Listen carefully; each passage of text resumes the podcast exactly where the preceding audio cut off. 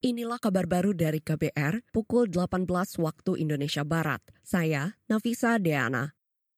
Badan Pengawas Obat dan Makanan BPOM berkomitmen mengawasi peredaran produk kosmetik ilegal. Kepala BPOM Penny Kalukito mengatakan pengawasan diperketat hingga ke hulu juga. Nah, pada saat sudah diberikan izin kemudian diedarkan, kami terus mengikuti. Kalau sampai ditemukan ada permasalahan produk suatu tentu, tentunya akan terinformasikan. Laporkan ke Badan POM. 1 500 533 ada Halo Bepom, laporkan apa pun juga. Nanti akan ada pengawasan di pos market. Samping itu kami punya deputi bidang penindakan, penegakan hukum. Jadi kami bekerja sama dengan kepolisian, Kepala Bepom Penny Kalukito mengungkapkan sudah banyak produk kosmetik ilegal yang ditarik dari peredaran.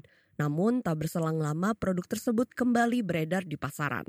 Tahun lalu, Bepom menemukan lebih dari 1.500 produk kosmetik ilegal di seluruh Indonesia. Kita ke berita lain. Wahana Lingkungan Hidup Indonesia Walhi Jawa Tengah menilai pemerintah daerah tidak maksimal menangani kebakaran di lima tempat pembuangan akhir TPA sampah. Menurut staf Walhi Jawa Tengah Nurholis, upaya pemadaman kebakaran menggunakan penyemprotan air dari darat dan udara tidak efisien dan tidak efektif.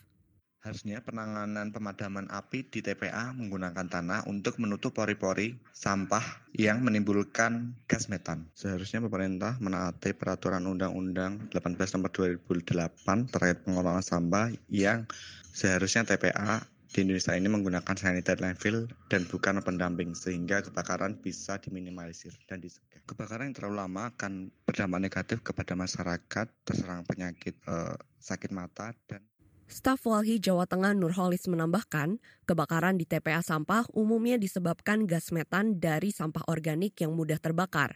Sejak Juni lalu sudah terjadi kebakaran di lima tempat pembuangan akhir sampah di Jawa Tengah, antara lain TPA Pesalakan Pemalang dan terbaru TPA Jatibarang di Semarang. Kita ke berita olahraga. Pasangan ganda putri Indonesia, Apriani Rahayu Siti Fadia Silva Ramadanti, optimistis menghadapi Asian Games 2023 di Cina. Faktornya antara lain setelah menjuarai Hong Kong Open 2023 dan runner-up kejuaraan dunia bulu tangkis 2023. Dikutip antara, Apriani mengatakan kepercayaan diri makin meningkat saat laga sengit melawan ganda putri Malaysia, Perlitan Tinaa Muralitaran di final Hong Kong Open kemarin.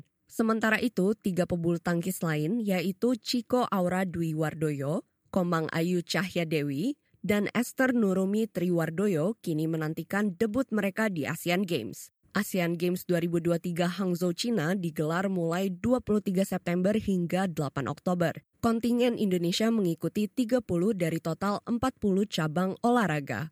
Presiden Joko Widodo menargetkan Indonesia berada di peringkat 10 besar. Inilah kabar baru dari KBR pukul 18 waktu Indonesia Barat. Saya Nafisa Deana.